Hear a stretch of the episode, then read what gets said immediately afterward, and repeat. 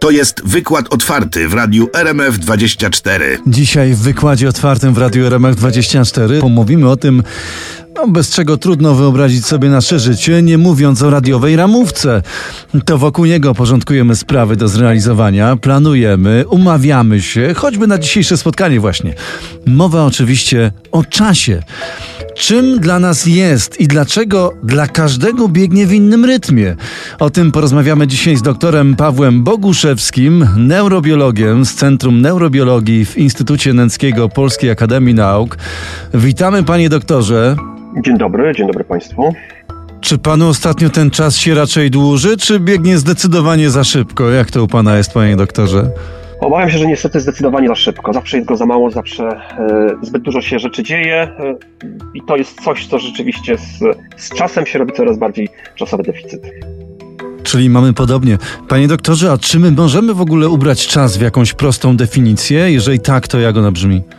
No tutaj czas e, jako definicja fizyczna obawiam się, że wykracza poza moją zdolność e, definicji tego typu rzeczy. E, I obawiam się też, że jest to coś, co cały czas, z czym cały czas mamy problem. Musimy tutaj pamiętać o tym, że jesteśmy ludźmi, jesteśmy tworem biologicznym, który powstał na kuli ziemskiej w wyniku ewolucji biologicznej. Nasze mózgi nie powstały, żeby poznawać nasz wspaniały świat, tylko po to, żeby przeżyć. W związku z tym e, pewne pojęcia są do nas, do nas, dla nas trudne do skonceptualizowania, ponieważ one jak gdyby mm, ich pojęcie nie było celem stworzenia naszego układu nerwowego i tego, w jaki sposób myślimy. E, raczej uważamy, że ten e, wspaniały mózg jest pewnego rodzaju takim, można powiedzieć, produktem ubocznym, no po prostu konieczności przeżycia, pewnego rodzaju strategii przeżycia. W związku z tym takie pojęcia podstawowe fizyczne jak energia czy, czy właśnie czas, one sprawiają nam trudność.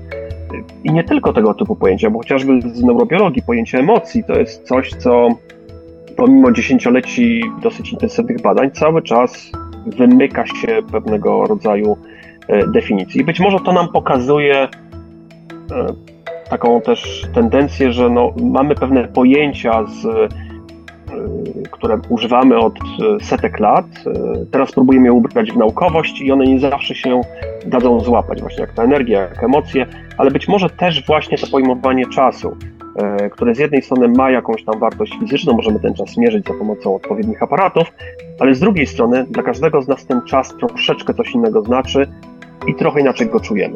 A no właśnie, panie doktorze, a czy w ogóle możemy powiedzieć, jak pierwsi ludzie odbierali czas? Tutaj wchodzimy już na, że tak powiem, rejon gdybania, więc zaznaczam to, yy, gdzie jak gdyby nie mamy specjalnie dostępu do tego typu informacji. To jest, to jest ogromny problem, no bo przez większość yy, czasu naszej ewolucji, naszej cywilizacji nie mieliśmy możliwości zapisywania informacji. Cała informacja była przekazywana z osobnika na osobnika, co powodowało to, że ona czasami ginęła, czasami znikała. E, dopiero wynalezienie pisma pozwoliło nam w jakiś tam sposób utrwalić pewne myśli i przekazywać je bez tego czynnika biologicznego. E, ale to jest dosłownie ostatnie kilka tysięcy lat i sami wiemy, jak wiele tego typu zapisków zniknęło po prostu w pomrokach dziejów. Także tak naprawdę w jaki sposób e, odczuwał czas człowiek 50 tysięcy lat temu, czy, czy, czy nawet 10 tysięcy lat temu, po prostu nie wiemy i nie będziemy wiedzieć. To, co możemy gdybać, to jest to, że jednak obecny nasz czas jest w pewien sposób układany przez urządzenia elektroniczne, przez zegary, czyli urządzenia mechaniczne, e, i my możemy ten czas sobie troszeczkę inaczej obecnie wizualizować. My już go widzimy na tarczy zegarka, my już go widzimy w postaci pewnego rodzaju rozpiski czasowej w naszym, w naszym kalendarzu, tych rzeczy wtedy nie było i na pewno ludzie zupełnie inaczej e, postrzegali ten czas. Myślę, że oni bardziej ten czas wtedy wiązali z pewnymi zjawiskami przyrody, takimi jak chociażby mm, pora dnia bądź e, pora roku. No tak, pobudka razem ze słońcem, potem słońce zachodziło, szli spać, mniej więcej tak to mogło wyglądać. W wykładzie otwartym Radia RMF 24 pod koniec października rozmawiamy o czasie, no właśnie, dopiero co były wakacje, prawda? O tym, y, dlaczego on tak szybko upływa, od czego zależy to, jak odbieramy czas, a w tym wszystkim pomaga nam pan dr Paweł Boguszewski, neurobiolog z Centrum Neurobiologii w Instytucie Nęckiego Polskiej Akademii Nauk. No właśnie, panie doktorze, Różni ludzie różnie odbierają czas. Od czego to zależy? To już mówię. Najprawdopodobniej ten czas odczuwamy w zależności od tego, y, co się w nas dzieje. Bo teraz tutaj jeszcze wróciłbym do jednej kwestii, y, bo mówimy o odczuwaniu takim subiektywnym czasu. I musimy tutaj powiedzieć o wewnętrznym zegarze. To znaczy mamy coś takiego jak wewnętrzny zegar biologiczny. Mm, I to jest y, pewien układ, który ma nas uniezależnić od środowiska zewnętrznego. Bo teraz, jeżeli pomyślimy sobie na ten temat, co tak naprawdę co potrzebujemy jako organizm zrobić, żeby być bardziej odporny, odpornym na środowisko zewnętrzne, no to to jest e, stworzenie różnych mechanizmów, które pozwalają nam od niego się, od jego kaprysów się nie uzależnić, czyli uniezależnić, czyli chociażby na przykład stałocieplność. E, kiedy możemy wprowadzić stałocieplność, utrzymujemy pewnego rodzaju stały poziom reakcji chemicznych w organizmie, i to jest bardzo duża, duży wynalazek, ponieważ zwierzęta, które są stało cieplne, one mogą żyć e, w dużo szerszym spektrum temperaturowym. E, I jednym z takich wynalazków jest m.in. wewnętrzny zegar. E, dużo zwierząt, szczególnie takie, które, ssaków, które się boją polować, ponieważ bądź zjadać cokolwiek, ma mechanizm, że wychodzą na swój żer przed samym świtem albo zaraz po zmierzchu. Ile to zaraz po zmierzchu nie jest problematyczne, bo mamy pewnego rodzaju przejście, widzimy, że światło właśnie zgasło i możemy teraz już bezpiecznie gdzieś wyjść, o tyle w przypadku tego świtu y, musimy to przewidzieć. W związku z tym powstał tak zwany zegar okołodobowy i to jest specjalny mechanizm y, zlokalizowany w naszym mózgu, który nam y, steruje naszym organizmem, mówi nam, kiedy nastąpią jakieś zmiany okołodobowe. I ten zegar właśnie jest czymś, co y, my mamy cały czas y, i on nam pozwala właśnie być śpiącym wtedy, kiedy jest noc, nawet jeżeli jest y, zapalone światło i w drugą stronę. Także jest to pewnego rodzaju uniezależnienie się od mechanizmów zewnętrznych. Natomiast w przypadku samego przeżywania czasu, no to to zależy tak naprawdę od tego, jaka jest zawartość tego czasu. I to wszyscy wiemy, że no tak jak w tym starym dowcipie, że upływ czasu zależy od tego, po której stronie drzwi toalety się stoi. I to jest, że tak powiem, kwintesencja tutaj tej, tej subiektywności, e, ponieważ jeżeli rzeczywiście e, spieszy nam się, potrzebujemy coś bardzo gwałtownie zrobić, wtedy nagle okazuje się, że tego czasu jest zawsze za mało, chociaż obiektywnie mija w tym samym tempie, patrząc na zegar. W momencie, kiedy nic się nie dzieje, kiedy nudzimy się, kiedy rzeczywiście nie ma żadnych bodźców zewnętrznych, wtedy nagle okazuje się, że ten czas się potrafi potwornie dłużyć. My patrzymy na upływający czas i, i on jakoś straszliwie się rozciąga. Na przykład, kiedy nie wiem, bezczynnie siedzimy na fotelu u dentysty. Albo na przykład, jak stoimy w potwornych korkach. Panie doktorze, e, ludzie starsi często twierdzą, że każdy kolejny rok mija im coraz szybciej. E, sami zresztą tego doświadczamy. Czy postrzeganie czasu zmienia się wraz z wiekiem? A jeżeli tak, to y, dlaczego tak się dzieje? Y, tutaj obserwacje i różnego rodzaju właśnie badania takie opisowe tak stwierdzają. No i też powiem szczerze, każdy z nas ma, ma troszeczkę tego typu doświadczenie, że rzeczywiście z biegiem czasu jak gdyby się okazuje, że ten rok błyskawicznie zniknął, gdzie E, no te chwile umykają, kiedy zaczynamy Coraz tak szybciej tak naprawdę... umykają, panie doktorze. Tak, zaczynamy, zaczynamy się zastanawiać, co robiliśmy na ostatnich wakacjach i okazuje się, że to było nie ostatnie, tylko na przykład trzy lata temu, albo spotykamy jakiegoś starego przyjaciela i mówimy, ojej, no nie widzieliśmy się z roku. Okazuje się, że to było pięć lat. Gdzieś ten czas znika. No i tutaj mm, koncepcji jest bardzo wiele, to znaczy mm, nie, kiedy mówimy, że jest wiele koncepcji, to znaczy, że tak naprawdę nie wiemy jeszcze, jaka jest tego przyczyna, e, ale ja bym tutaj głównie upatrywał w to, że jednak nasze życie my liczymy mm, poprzez wydarzenia, poprzez przede wszystkim nowe wydarzenia. W momencie, kiedy jest, się starzejemy, no to coraz mniej rzeczy jest dla nas nowych, odkrywczych i rzeczywiście mhm. takich, które przykuwa naszą uwagę, no bo szóste wakacje w tym samym miejscu powodują, że te wszystkie sześć wyjazdów się zlewają w jedno. To nam pokazuje pewnego rodzaju kondycję naszej pamięci. No, nasza pamięć nie jest po to, żebyśmy rejestrowali wszystko zupełnie obiektywnie. I musimy i jeździć to w inne miejsca na wakacje, panie doktorze. Dokładnie tak. I tutaj jaka jest metoda na to? To jest dokładnie stosować różnego rodzaju zmiany Mhm. i nowości. To jest jedyna metoda, żeby sobie ten czas w jakiś sposób rozmaicić. Czyli możemy jakoś tak zapanować nad tym odczuwaniem czasu przez nasz y, umysł, lekko go oszukać? Może nie tyle oszukać, ale po prostu go stymulować. To jest najlepsza Aha. metoda też, żeby zachować dobry, sprawny umysł na jak najdłużej. To jest właśnie ta potrzeba nowości. Niektórzy nie lubią tej nowości, bardzo lubią Mhm. rutynę, ale jednak dla no, naszego dobra musimy się eksponować na różnego rodzaju nowe bodźce, nowe przeżycia. I nagle się okazuje, że ten czas się nam troszeczkę rozciąga i jest go więcej subiektywnie. I takie wskazówki ma dla nas neurobiologia, czy może jakieś inne jeszcze? No tutaj to, to nie jest wskazówka neurobiologa, to jest, Hmm. można powiedzieć, taka bardziej wskazówka wiedzy ogólnej, która, Aha. która rzeczywiście jest potwierdzona w badaniach. Yy, Bo są różnego rodzaju badania, ale one są raczej, takie neurobiologiczne, są raczej skupione na przeżywaniu yy, krótkich odcinków czasu. Były takie fantastyczne badania, gdzie Mhm. yy, sprawdzano takie twierdzenie, czy jeżeli jesteśmy poddani bardzo silnym emocjom, to czy nasz czas subiektywny dużo wolniej e, działa. I to Mhm. polegało to badanie na tym, że osoby były zrzucane w siatkę taką bezpieczeństwa z pewnej wysokości e, i patrzono, czy potrafią wcisnąć guzik na dokładnie taki sam odcinek sekundowy, jak te osoby, które po prostu stoją gdzieś tam z boku i przyglądają się temu. Mhm. No i okazuje się, że pomimo tego, że te osoby w jakiś sposób mówiły o tym, że odczuwają spowolnienie czasu w takiej sytuacji ekstremalnej, to jednak się okazywało, że to liczenie ich czasu było bardzo, bardzo podobne. Nie było takich Aha. efektów bardzo, bardzo silnych. Także neurobiologicznie próbujemy badać właśnie tego typu zjawiska na poziomie krótkich odcinków, natomiast no już te badania takie długofalowe, szczególnie u ludzi, to raczej jest już domena y, neuropsychologii i psychologii. Panie doktorze, za nami zmiana czasu. Y, Jaki ma ona wpływ na nasz organizm? Ten biologiczny zegar chyba ma no, bardziej skomplikowaną konstrukcję i samo przestawienie wskazówek nie zamyka tematu. No, nasz zegar biologiczny jest bardzo skomplikowany, ale też nie jest bardzo skomplikowany, bo to jest grupa komórek, która mm, utrzymuje rytmikę okołodobową, czyli tam są specjalne geny, które się aktywizują y, w odpowiednich porach dnia i one sterują tym naszym wewnętrznym zegarem.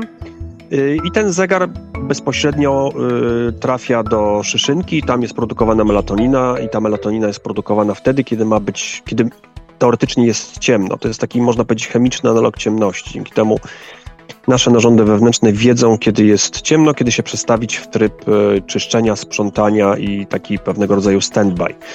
Mhm. A sam ten zegar, on y, jak najbardziej jest mm, rzeczą, którą możemy przestawiać. Znaczy, ten zegar się synchronizuje co do doby ze światłem, w związku z tym y, po jakimś czasie on potrafi przeskoczyć nawet o całkiem spore odcinki czasu, co chociażby ludzie, którzy mają jetlag mogą y, powiedzieć. W momencie, kiedy ten y, rzeczywiście jetlag zmieniamy, mie- z- zmieniamy strefę czasową co najmniej tam, nie wiem, 3-4 godziny, no to przez jakiś czas czujemy, że chodzimy jeszcze według starego zegara, Potem nagle pyk, przestawiamy się na nowy zegar, bo ten zegar jest w miarę elastyczny.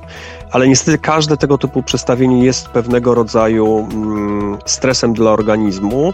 E, No i między innymi chociażby procedury w lotnictwie takim, że na przykład jeżeli stewardesy latają, no to nie czekają kilka dni w miejscu docelowym, tylko jak najszybciej wracają z powrotem do swojej strefy, starają się utrzymać rytm okołodobowy swojego kraju, e, swojego kraju zamieszkania, co powoduje, że nie muszą przestawiać tego zegara. Mhm. Więc jest to pewien stres. Zmiana czasu, y, ja ją osobiście lubię, ponieważ dla mnie jest takim pewnym cezurą pomiędzy połową roku, kiedy jest Aha. ciepło, a tą połową, kiedy jest zimno. Ale jednak jest to coś, co na pewno wpływa na nas nie najlepiej, ponieważ Dzień krótszy, panie doktorze. Słucham? Dzień nam skraca, panie doktorze.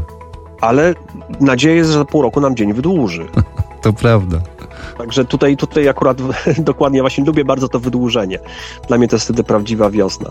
E, Ale tak jak, e, tak jak mówię, jest to pewnego rodzaju stres i szczególnie właśnie w tym, w tym ukradzeniu godziny mm, jest ten duży problem, bo, bo wtedy nagle wszystko jest po prostu już za późno, ciągle się spóźniamy przez jakiś czas. Mhm.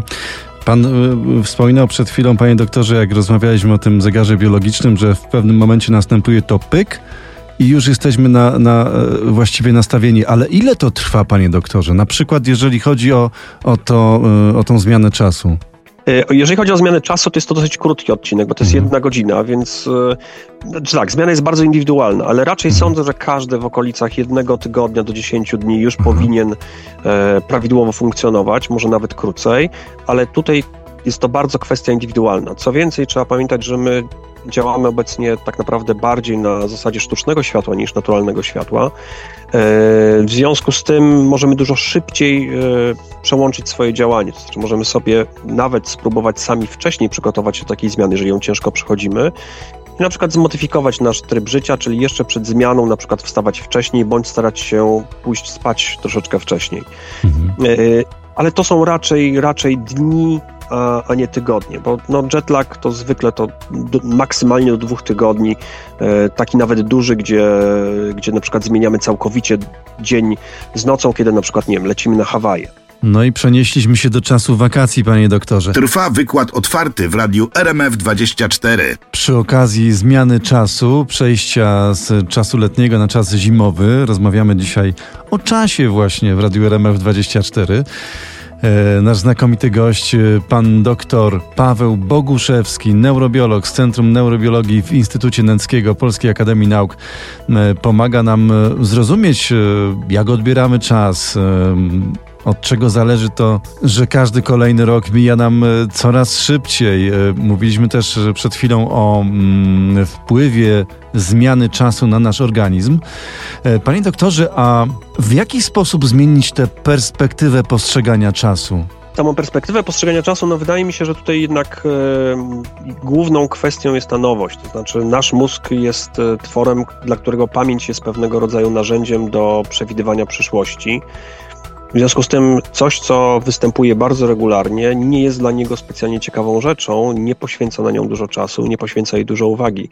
No i tego typu zdarzenia będą po prostu znikać, więc tutaj musimy po prostu sobie regularnie dostarczać nowych, ciekawych y, bodźców i stymulacji, robić nowe rzeczy, odwiedzać nowe miejsca, nie wiem, chodzić na nowe koncerty.